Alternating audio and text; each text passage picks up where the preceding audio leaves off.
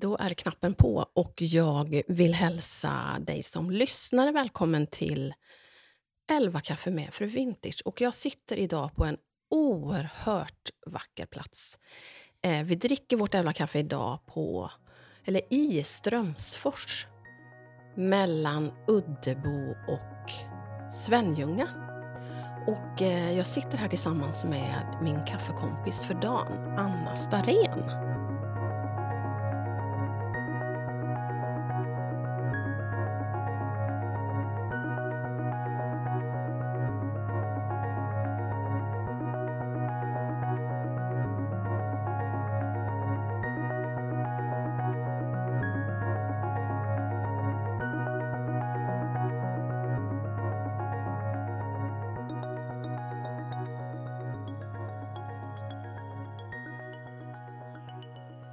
Välkommen till podden! Marlene. Ja, tack. Anna Starén, Marlene. Det känns ju så roligt att äntligen få till det här elva kaffet som vi ju har pratat om så länge. Ja. Och det känns extra kul att få ha det här på Villa Strömsfors eftersom det var... Visst var det första gången vi träffades här? ja, vi möttes här. Kan det vara tre år sedan? Fyra år sedan är det. Fyra. Ja, ganska precis. Eh, nej, det var det inte. Det var i september 2018. Mm. Så snart fyra år sedan. Då var vi här båda två på kreativ kick-off med Katrin Båt och Malin Lindner. Mm. Och då visade det ju sig att du och jag hade lite historik med varandra bakåt i tiden med våra mammor. Mm. Men det ska vi prata mer om. Jag vill ju börja med att säga tack för en fantastisk frukostföreläsning. Ja. Ha. Jag försökte komma på vad vi kallade den för. Jag tror att det var Något med skyltfönster. något med skyltfönster. Det handlade väl om att visa upp sitt egna skyltfönster. Hur man bygger ett varumärke eller sin persona på olika plattformar. Mm.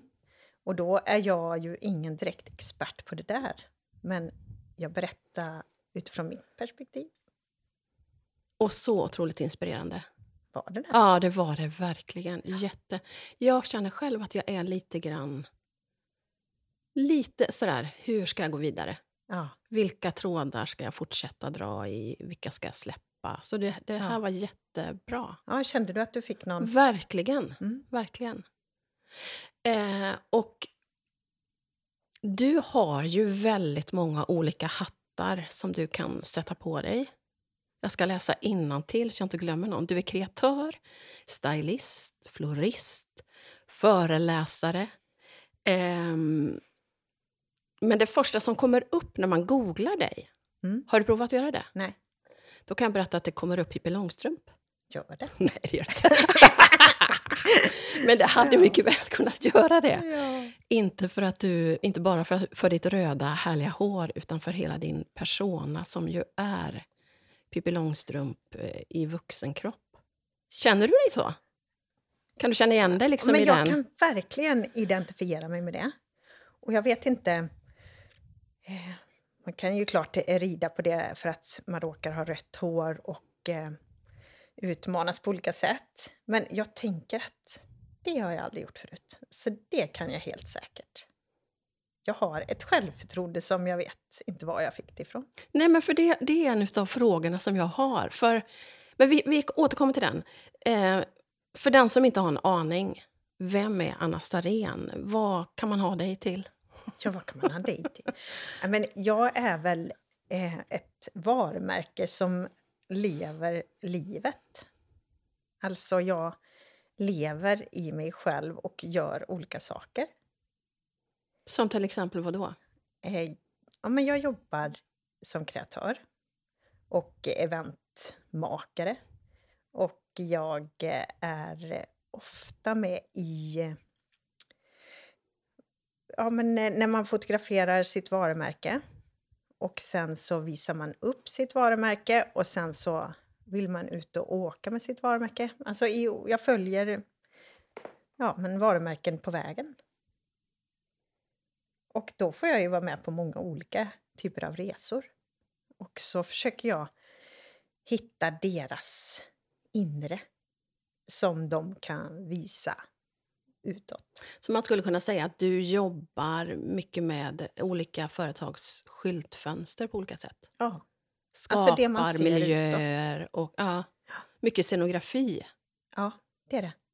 Och jag har ju alltid bott lite utsocknes här i... Jag bor i Tranemo kommun och det finns inte så mycket att tillgå.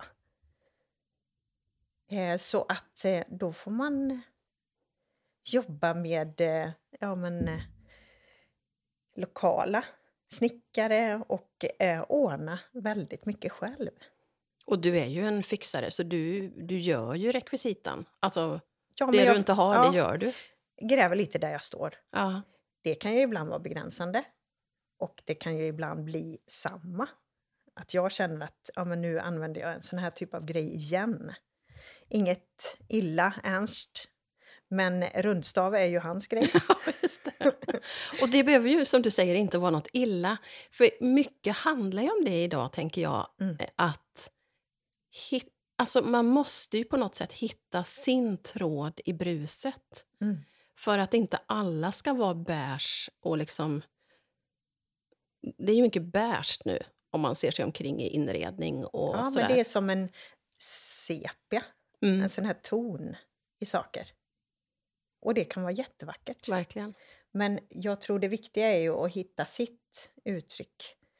Eh, och att man kan hjälpa andra som också vill visa sitt uttryck eh, på ett sätt som jag kan hjälpa dem med. Mm. Så jag tror kanske inte att jag får så många frågor kring varumärken som håller sig ganska basic. Nej, sådär. nej, precis. Nej. Utan när man anlitar dig, då vill man ha färg och form och, och Mm. nya uttryck och den här busigheten som har blivit ditt. Mm. Och ditt varumärke, Ja. vad tänker du? Kring det, du har ju ändå fått ett varumärke att lyfta på många sätt. Och du känns väldigt multi. Jag kan inte säga att det är en viss färg. Nej, nej, det är det ju inte. Om man inte tycker att kaffet då kanske har liksom Ja, men, färgsätter mycket av det jag gör. mm.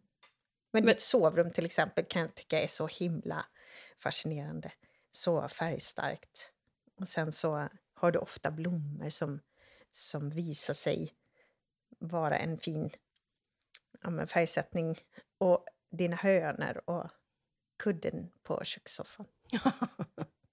Vad härligt att höra, Anna, hur någon annan ser på det. För jag, jag slogs av det när, vi, när du hade ditt föredrag nu. Ehm, det är så lätt att dra, dras med i hur andra tänker och hur andra gör. Och varje tid har ju sitt mode på något sätt. Men, men jag, jag tänkte när jag satt där att jag, jag vill inte hamna där att dras med i någon form eller hur andra gör eller färgsätter. Eller, utan det som, som du sa, gräv där du står. Det som är unikt är ju det, det är ju jag. Mm. Den personen som jag är. Mm. Och den personen som du är. Och du är ju färgstark och varm och helt fantastisk som människa. Du förändrar ju ett rum när du kliver in. Du liksom, Det är konstigt att höra så här. men, men så är det, Anna. Och du gör det på ett så varmt och naturligt sätt. Man kan ta över ett rum och kväva resten av de som är i rummet, men det gör inte du. Du är en, en person som verkligen lyfter ett sammanhang. Mm. Nu får du slicka i det här, för det är verkligen Det det är så sanning, sanningen av dig. Men du åker ju runt numera i din gul och vitrandiga buss Mm. fylld med rekvisita, kuddar och pappersblommor. Och... Men hur började, om man nu inte satt med på det här föredraget som jag hade ynnesten att göra, hur började din karriär, om man nu ska säga det så, eller ditt spår Mitt i livet spår. som du har blivit? Ja, jag började att jobba med min pappa och hans bror. De eh, var guldsmeder. Och eh, jag jobbade där varje helg. Och det var så pilligt. Och Alltså du jobbade smått. med Ja, själva... jag försökte ju kanske Ja. komma in i det här med smycken. Och eh, jag var ju inte så bra på det där så att jag hamnade mer i kassan och eh, sålde mest Hade de en butik alltså? Skedar och Jaha. mockaskedar. Ja, de hade en butik som hette Starens Guld och så hade de en verkstad på ovanvåningen. Eh, och jag insåg ju ganska snart att jag kommer inte bli den typen av hantverkare. Så jag gjorde praktik i skolan eh, hos eh, en blomsterhandlare. Och där någonstans hittade jag hem direkt. Eh, Jag gillar när saker går fort, när det händer mycket. Och det var precis allt i ett. Man kunde se färgerna, eh, strukturer, mönster. Eh, man kunde vara social och prata med människor. Man kunde försöka få människor att eh, beskriva sin mamma. Och så fick jag forma en bukett till den mamman. Ja, men det var fantastiskt. Och sen så jobbar jag som florist och utbildar mig. Jag träffade min parhäst Camilla Bredin. Och vi startade sedan Oddbirds. Och då var vi väldigt naiva och tänkte att vi ska ta över världen. Vi ska måla hela världen, lilla mamma. Och det gjorde ni verkligen. det gjorde Ni vi. blev ju jättestora. Ja. Vi eh, sålde återvunna tyger förpackat på olika sätt. Gör det själv eller låt bli. Man kunde köpa små kit. Och sen så gjorde vi lampor av eh, kaffekoppar och kannor. Tänk vad fina Ja, och- kaffekoppar och kannor du skulle ha. Ja, precis. Har Och ni var ju verkligen först Ja. på Jo, men det. jag tror, vi hade varit i Paris, jag tror vi hade sett någonting som liknade den här lampan. Och sen så tog vi det vidare och så hade vi ju min pappa då som var eh, guldsmed och väldigt hantverksmässig. Så han borrade alla porslinslampor Ah. och gänga allting. Ja, det blev ju jättefint. Idag hade det varit en sak att bli så stora som ni var, alltså via sociala medier och Instagram och så. Mm. Men hur nådde ni ut? Hur kommer det sig att jag visste om er? Fast, Nej, det kan man undra. ja, hur liksom... Nu var det ju säkert så att du var på Formex Jo, men det och var du jag ju. läste kanske Ja. tidning. Och vi Ja. eh, var med på den här eh, mässan på Formex och gjorde en monter. Eh, vi fick eh, några produkter med i själva utställningen, det här entrétorget. Och ja, men helt plötsligt så kom folk rusande till våran eh, monter. Ja, tror jag det. För de hade sett. Och jag tror, när man jobbar som vi gör så, så söker man alltid det där nya. Och då var återvinningen väldigt, väldigt eh, ung. Man hade inte jobbat så mycket kring det Nej. idag. När man säger återvunna tyger och, och, och vintage, fru vintage. Precis. När startade du ditt namn? Eh, ja, men jag gjorde ju det när jag var hemmamamma. Mm. Så ganska precis i början när Instagram kom, Var det då runt 2000? 2000, vad kan det ha varit? 10, 11 Ja. någonting. Mm. Så startade jag mitt konto. Eh, jag var en fru som gillade vintage. Ja. Fru vintage. Ja, det blev bra. Och vi startade Lite så. 2009. Så det hade ju inte Ja, kommit. nej, men precis. Instagram fanns Nej. inte. Nej.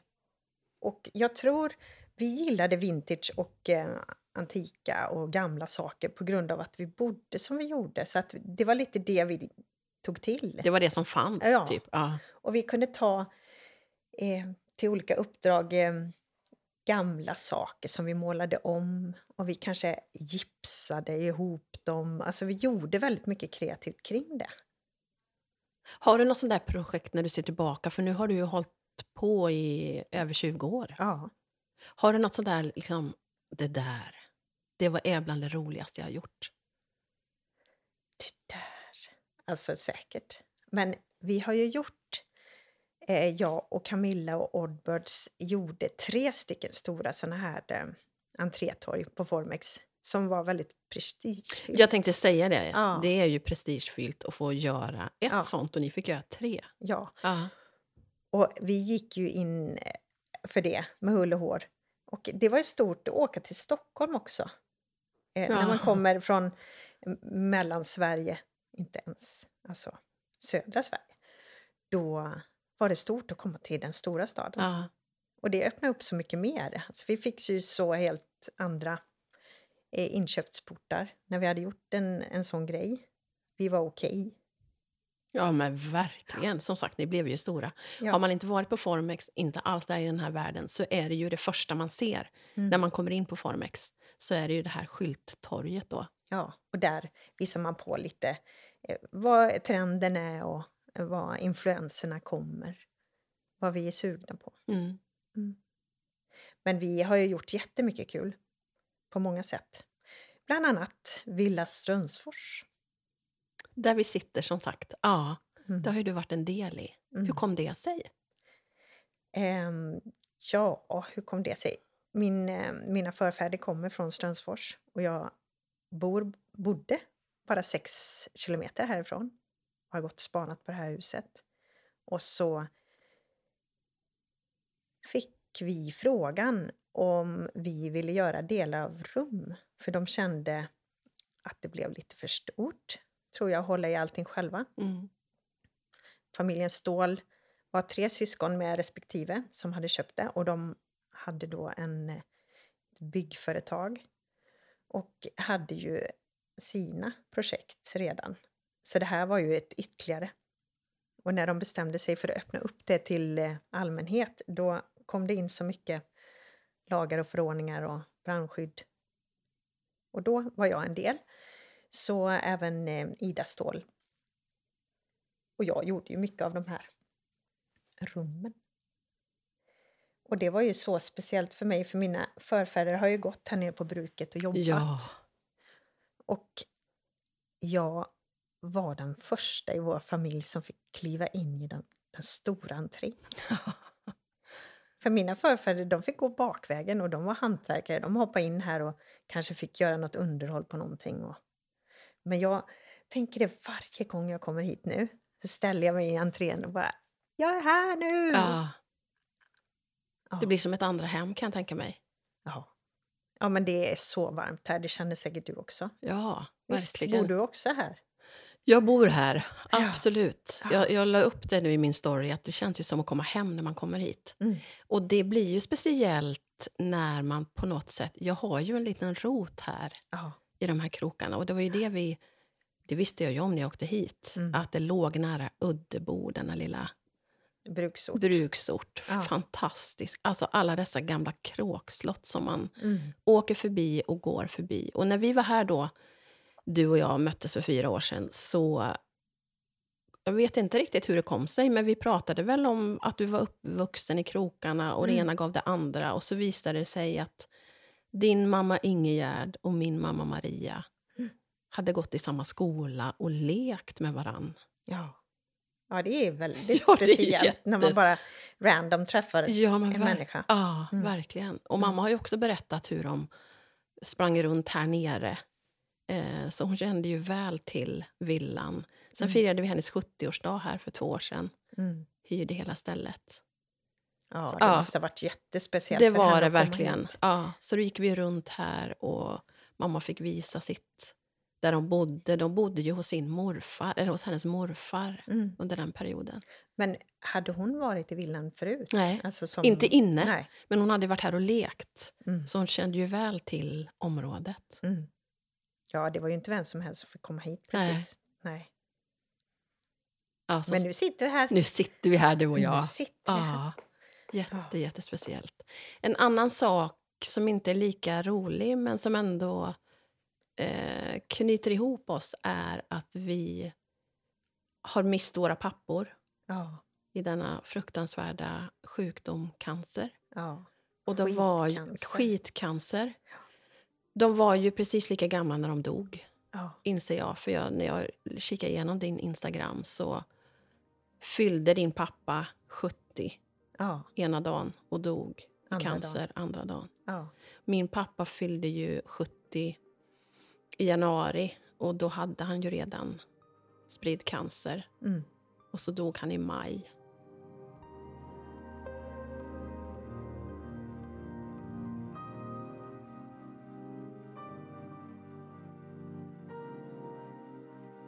Och det är lite det här som jag skulle vilja prata lite mer med dig om. Mm. Om sorg och om...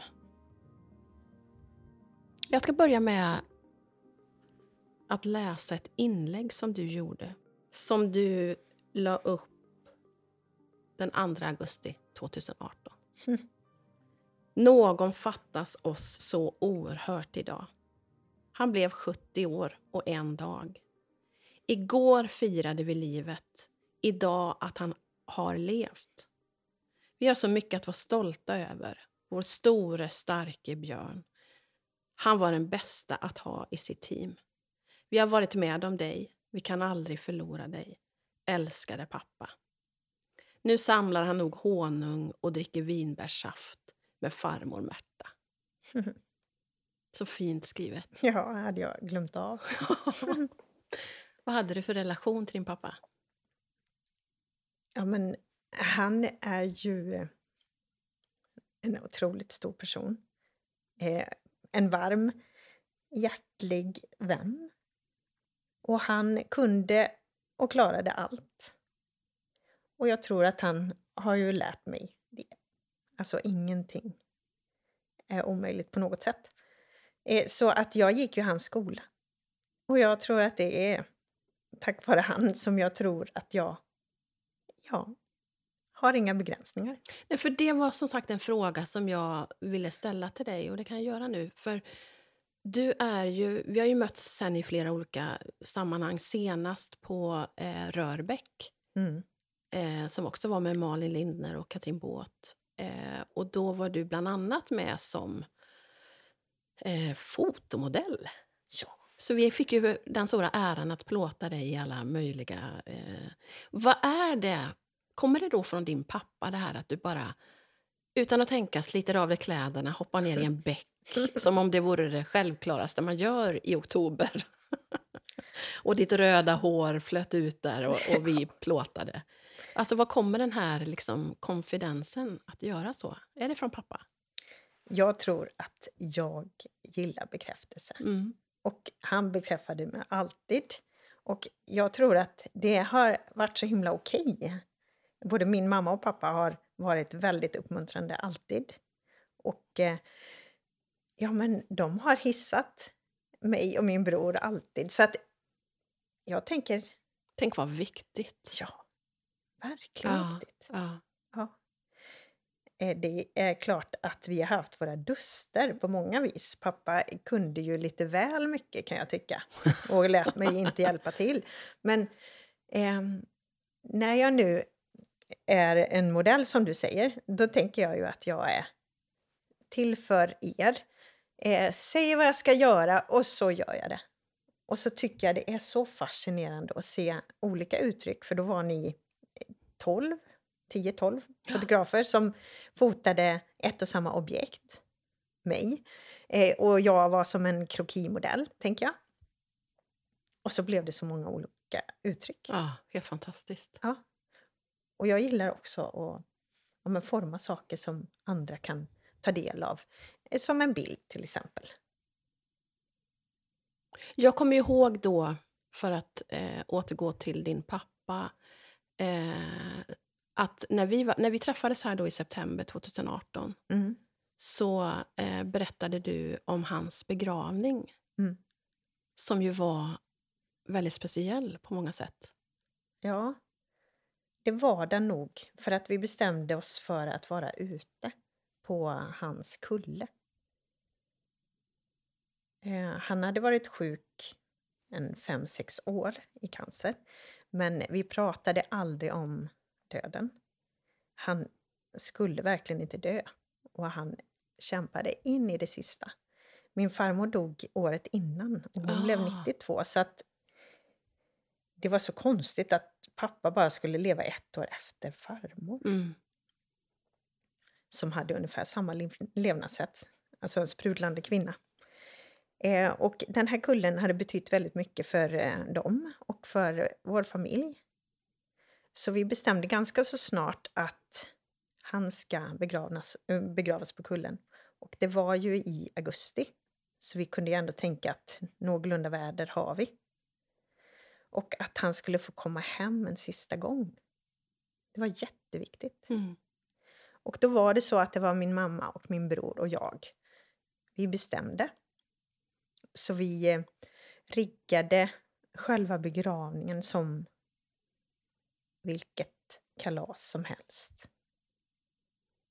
Vi tänkte nog att det skulle bli hans 70-årsfest. Mm. Hur var det?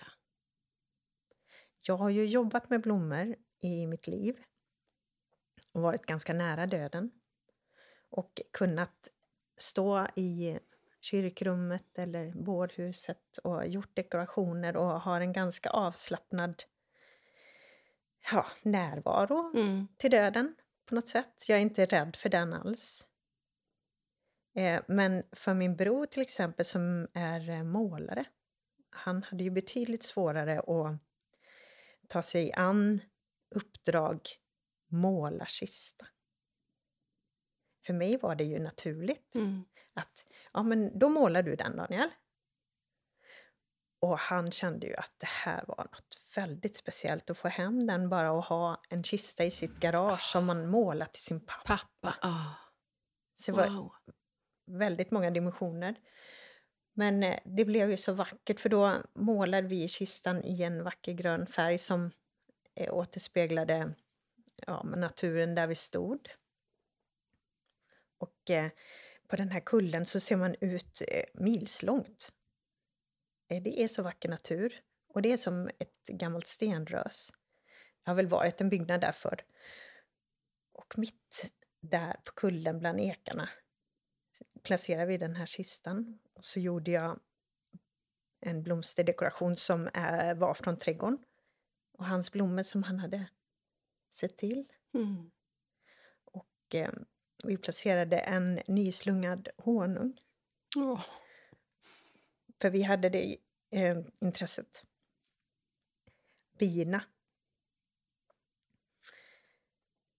Ja, det var så fint när det stod där. Och det var Anna och Bjöllas eh, dunderhonung.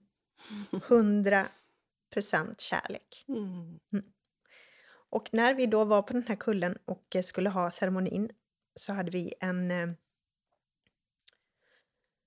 en så fin stund. För när man är ute så blir det så fritt. Ja. Så människor placerade sig lite där de ville. Vi hade bänkar så de kunde ju sitta på dem, men de satte sig också på en filt jämte, på en sten, på en stubbe. Lite bakom, lite runt. Det blev inte alls den här typiska ceremonin som man kanske är van vid. Och som ofta blir väldigt stel och liksom onaturlig. Ja, men det är ju speciellt att gå in i ett kyrkrum Ja. och man vet att man ska sitta vid en viss sida och man vet när man ska resa sig upp och ta farväl. Och Mm. Man har ju såklart så mycket annat i, eh, i kyrkan när man ska... Det är ju bara en ganska liten del som handlar om personen i fråga. Ja. Som, Ja. men här blev hela ceremonin pappas. Och vi hade en officiant som en vän till familjen. Som var lite som, här är ditt liv. Och berättade pappas liv från början till slut. Och sen så hade vi en musiker som har funnits är som granne i många år och som spelade trumpet och så. Ja, det var häftigt att ha hundra personer på pappas vackra kulle. Ah, wow. Ja. Det måste ju också, att ha, få förbereda allt det här tillsammans som familj, måste ju också ha gjort någonting med sorgarbete, tänker jag. ja, jag tror att det är den stora skillnaden. Ja, Om man kan ja. vara en del i någons begravning så är det bland det finaste man kan ha tillsammans. Hur bra är vi på det, tycker du, i, i Sverige? Ja, men jag vet inte. Det är väldigt svårt. Och det kanske inte är så lätt. Det är ju lätt för mig att säga som har en, en god relation till mina nära. Eh, och eh, en pappa som var väldigt öppen. Och ja, men att vi har en plats. Det är kanske inte är så lätt för dig, Malene, när du är, finns i Stockholm och vilka lokaler. Och, Ja, nej, nu har ju du din kyrka och så, men församling. Mm. Hur var det när din pappa gick bort? Han är ju begravd eh, utanför Ulricehamn, eller i Ulricehamn, Mm. där han kommer ifrån. Eh, så det är så fint för att vi åker ju mycket eh, Mm. hemifrån Stockholm ner till Varberg, till Göteborg. Och då eh, laddar vi alltid vår elbil Mm. Med promenadavstånd till Ryds kyrka där pappa är begravd. Mm. Eh, och det är fint att gå dit. Samtidigt så betyder den platsen väldigt mycket mindre än vad jag trodde att den skulle göra. Mm. Eh, för för mig är han inte där. Nej. Han är hemma i himlen, det är bara hans skal som ligger där. Mm. Eh, jag trodde nog att den skulle betyda mer, själva platsen. Mm. Men jag tänker att det är nog få som tänker som ni att man skulle kunna göra på ett annat sätt Mm. än det traditionella. Den, den 10 januari 2020 lägger du upp ett annat eh, inlägg som lyder så här. Pappa, idag har jag berättat om din begravning och alla känslor kring den. Allt är så fint. Det går att tänka vackert, glädjefullt och stumt. Jag har bestämt. Det kommer bli en bok. Punkt. Begravningsboken kommer nu.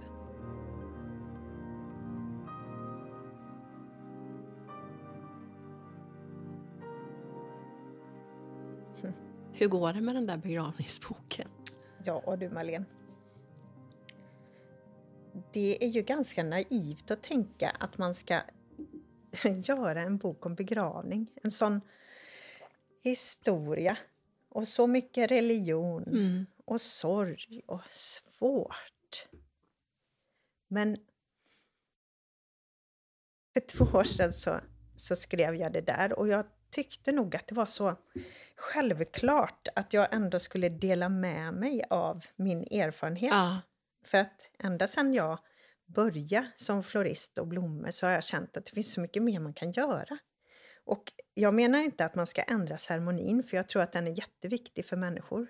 Att man vet vad som händer. Men att man kan byta ut delar i ett program. Att man kan eh, känna personen i rummet på ett annat sätt och inte göra det så slentrianmässigt. Så den här boken, den skulle egentligen vara till för att för det första våga prata mer om döden. Mm. Att ju förr vi kommer på att vi ska dö, desto mer kan vi leva. Och om jag delar med mig hur jag vill ha min begravning så blir det lättare för dem efter mig. Ja. Jag bryr mig ju inte om hur jag begravs, men det kan ju vara så att frågorna blir inte så svåra om jag har berättat hur jag vill ha det. Har du gjort det? Ja, i princip. Och jag har många nära mig. Jag har ju inga större problem att prata om döden. Eller hur det skulle kunna gå till. Hur är det med dig själv? Just med döden? Mm. Nej, men jag, jag tycker precis som du att vi borde prata så mycket mer om den. För det är ju det enda vi vet, att vi, att vi alla kommer att dö. Ja. Eh, för mig, det har jag berättat i podden förut, men eh, jag fick ju den stora, vad ska jag säga, att få sitta med pappa när Mm. han faktiskt gick över gränsen. Mm. Eh, vi gjorde ju det, mina fyra syskon och jag. Mamma var med, en av pappas systrar, hans fru. Eh, och det har gjort något jättestort med mig Mm. i min syn på döden. Och jag är ju uppvuxen och fostrad i frikyrkan och det har alltid varit en självklarhet att när man dör kommer man till himlen. Mm. Och det har jag ju liksom fått höra ända sedan jag var liten och fantiserat om den här fantastiska platsen som, som man kommer till. Men det har varit väldigt diffust och det är det ju på ett sätt fortfarande. Men när vi satt där i rummet på pappas dödsbädd, då hade vi varit tillsammans med honom under två och ett halvt dygn. Mm. För hans fru förstod att nu är det inte så långt kvar. Så då åkte vi ner eh, till honom och när vi kom ner så var han fortfarande vid medvetande så hela den eftermiddagen fick vi alla fem syskon en liten egen stund med honom. Mm. Och det förstår jag ju i efterhand hur otroligt viktigt det blev för oss. Mm. Och vad det gör med sorgarbetet framåt. Och han var ju så... Han, var, han längtade till himlen. Mm. Han sa att om jag ska leva i den här sjuka kroppen och må som jag gör så det vill jag inte. Jag vill, jag vill hem. Mm. Och att få sitta i rummet när, som jag tror då, han gick över gränsen in i himlen. Det var som att himlen landade i rummet. Det är den starkaste upplevelse jag någonsin har varit med om. Mm. Och det blev så det blev så nära och det har hjälpt mig så otroligt mycket i sorgen och saknaden som det ju såklart är. Mm. Men jag kan inte önska honom tillbaka för jag vet att han är på en fantastisk plats. Mm. Och när han tog sitt sista andetag så var det som sagt som att rummet fylldes av himlen och hans, han sprack upp i ett leende. Det blev som frid över Mm. honom. Så det var precis som att, åh, äntligen, nu är jag hemma. Det är helt otroligt, men du sitter ju och berättar min historia. Det var ju precis två och ett halvt dygn som jag och min bror och min mamma var Wow. tillsammans. Och sen så fyllde han 70. Och då kom hans bröder och mina barn och alla kom och hälsade på. Vi visste att det här kommer ju inte gå Det blir vägen. ingen fest. Nej. Det blir ingen fest. Nej. Men att han, att han orkar sig igenom hela den här dagen och att eh, han låg på palliativ vård. Och hur de eh, i personalen kom in med brickor och sjöng med en flagga. Och hur vi på natten sen slumrade i varsina sängar som vi hade Precis. gjort förr. Mm. Och hur han plötsligt bara, nu var det dags. Och mamma lotsade han till att ta det sista andetaget. Mm.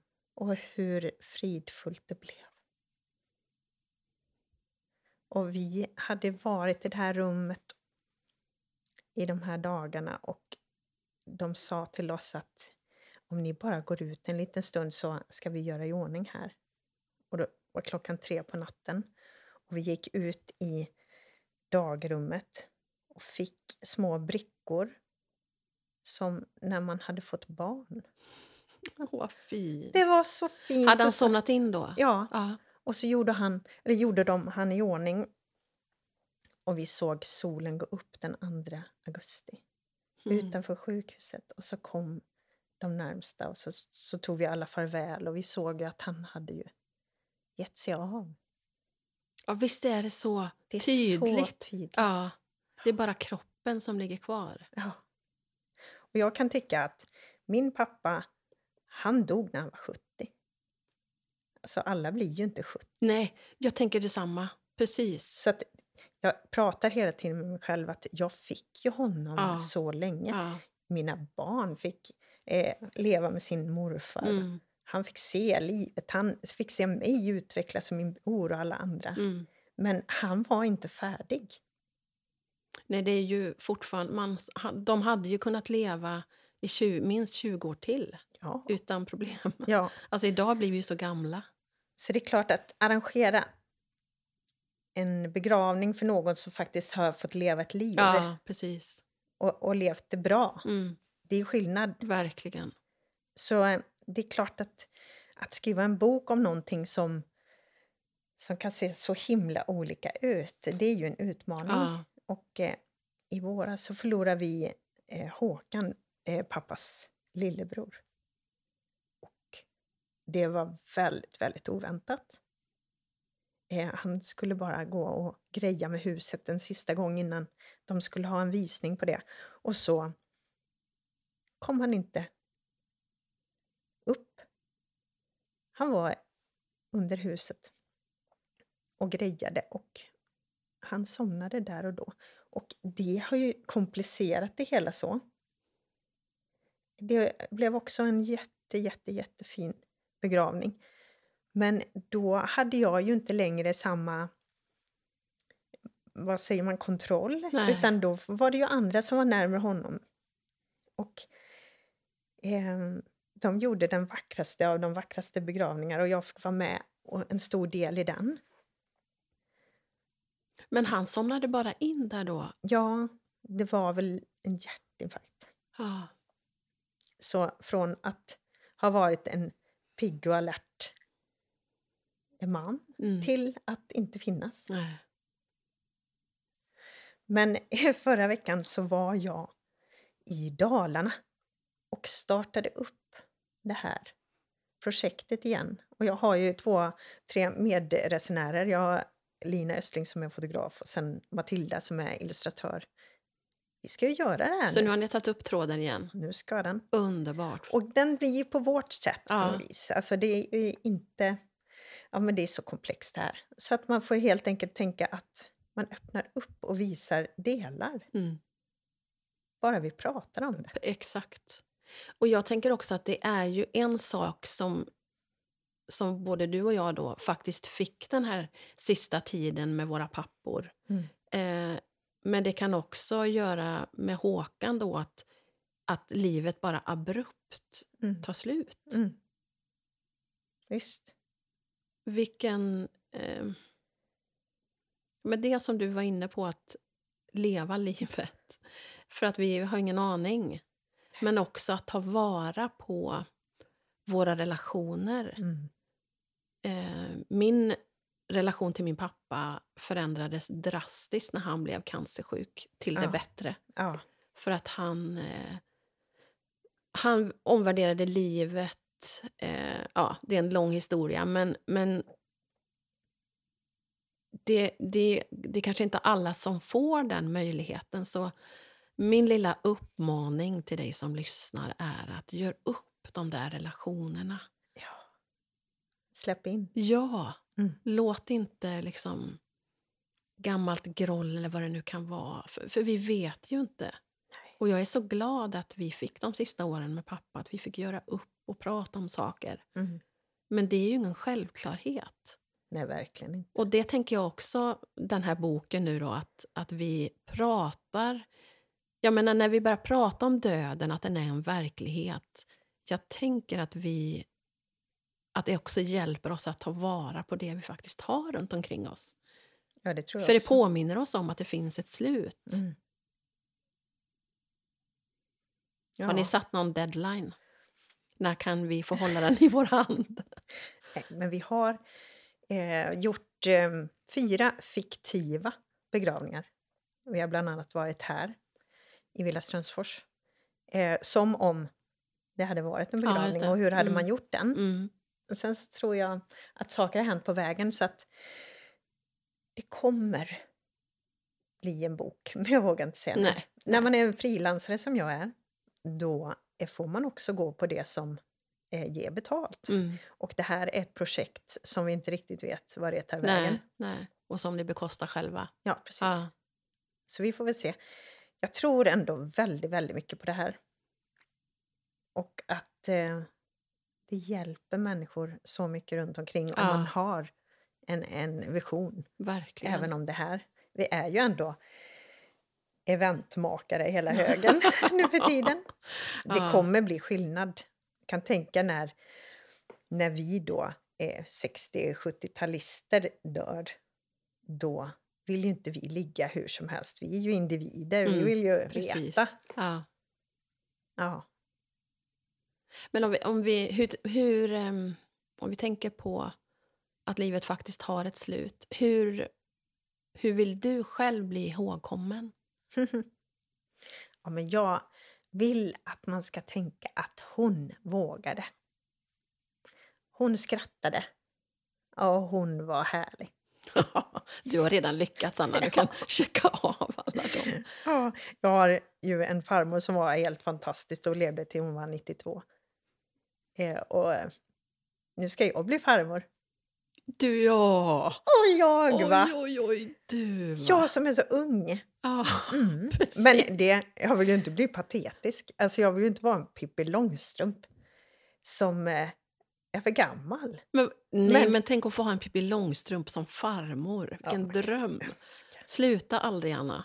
Fortsätt vara Pippi Långstrump-Anna. Mm. Ända in i döden. Mm. Ända in i döden. Ja, min farmor var verkligen det. Ah, fantastiskt. Ja. Du, ehm, tiden går fort när man har roligt och vi ska redan börja runda av det här fantastiska elva-kaffet. Men jag tänk, du har två pojkar själv. Mm. Vad har varit viktigt för dig, eller för er, att skicka med dem ut i livet? ja, men det är svårt att säga något annat än eh, du kan och klarar allt. Mm. De är tack och lov väldigt självständiga och fått klara sig. Häng på! Det tänker jag också. Att eh, curla inte för mycket. De klarar mer än vad man tror. Mm. Ja. Och eh, mina små pojkar är nu mera stora och Hur gamla är de? lever sina liv. Vilgot blir 26 och Edvin blir 23. Och så pappa Martin. Och pappa Hur Martin. träffades ni? Vi träffades här i skogarna. På riktigt? På riktigt. I skogarna, det lät. Ja. Vi hade lantställe på samma ställe här i Tittebo. Ligger ungefär en tio minuter härifrån. Tittebo. just Mm. Ambjörnarp. Och vi var sådär en 13 och 14. Och eh, Martin, han eh, ville visa mig var lysmaskarna fanns. Men gick ni i samma skola så ni träffades Nej, där? utan jag är uppväxt i Borås och han i Tranemo. ah, Så vi träffades varje sommar. Okej, för att ni hade sommarställen Ja, nära varandra. Så varje gårdsfest hade vi en liten fling. Sen kom han med sin moppe, sin syndapp och hade fel typ av kläder. Stentvättade byxor och sånt hade man inte i Borås. Nej, han var alltid lite bonnig. Men eh, det blev vi. Och när blev ni ett par då? Ni flingade varje sommar, men när blev det på riktigt? När han fick körkort så kom han in till Borås och hälsade på. Ja.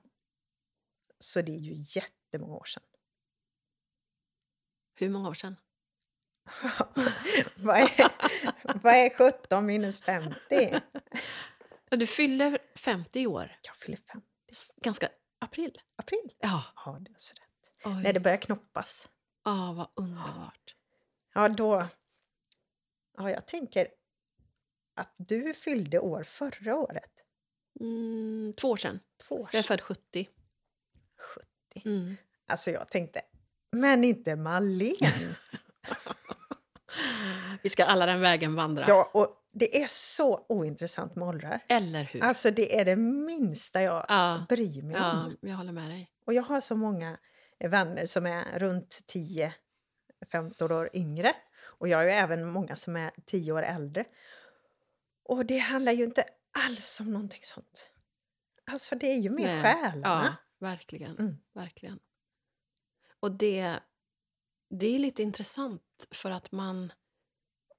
Med åren inser man ju det. att man, Det är klart att man har förändrats. Men innerst inne så är man ju samma person. Ja, precis. Bara med lite eh, törnar och lite erfarenheter. Och, men, eh, nej, men verkligen Ja, men så. tänk om man hade fattat det tidigare. Ja, Att man är inte på ett visst sätt Nej. när man är 50 Nej. eller 60. nej. Utan man är precis som den man är. Och inte minst idag. Nej. Alltså för några jag tänk, tänker på när mina föräldrar fyllde 40 till exempel. Mm. Då var man ju gammal. Ja. Då satt man ju där i sitt blomsterhav liksom på någon stel stol. Och, Mm. alltså det, det, tiden har ju förändrats på det sättet också. Mm. Att det blir mindre och mindre skillnad åldrar emellan, visst. tänker jag. Eller hur? Ja, men att du har likadana kläder som din dotter. Ja. Eller ditt barnbarn Ja. snarare. Men det där får man ju också, som du är inne på, akta sig för att det inte ska bli patetiskt. Nej, men det kommer det aldrig bli med dig. Nej, tror du inte? Nej. Nej, vad skönt. jag har sagt till mina barn, blir jag patetisk då får ni säga till mig. Ja, men Ja. då struntar du i det. Eller hur? Ja, exakt. Så är det nog. Mm. Eh, nu ska vi gå och käka lunch här på mysigt. villan. Ja. Mm. Tack snälla, snälla Anna. Tack snälla, snälla Och jag Marlene. tänker att jag får anledning att återkomma när boken finns i min hand. Då får vi fortsätta att prata om sorg och död och liv och, Bröd. och bröd. Precis. Du vill gärna rimma. ja, jag gillar rim. Ja. Tack Anna. Tack. Och tack alla som har lyssnat. Hej då! Hej då!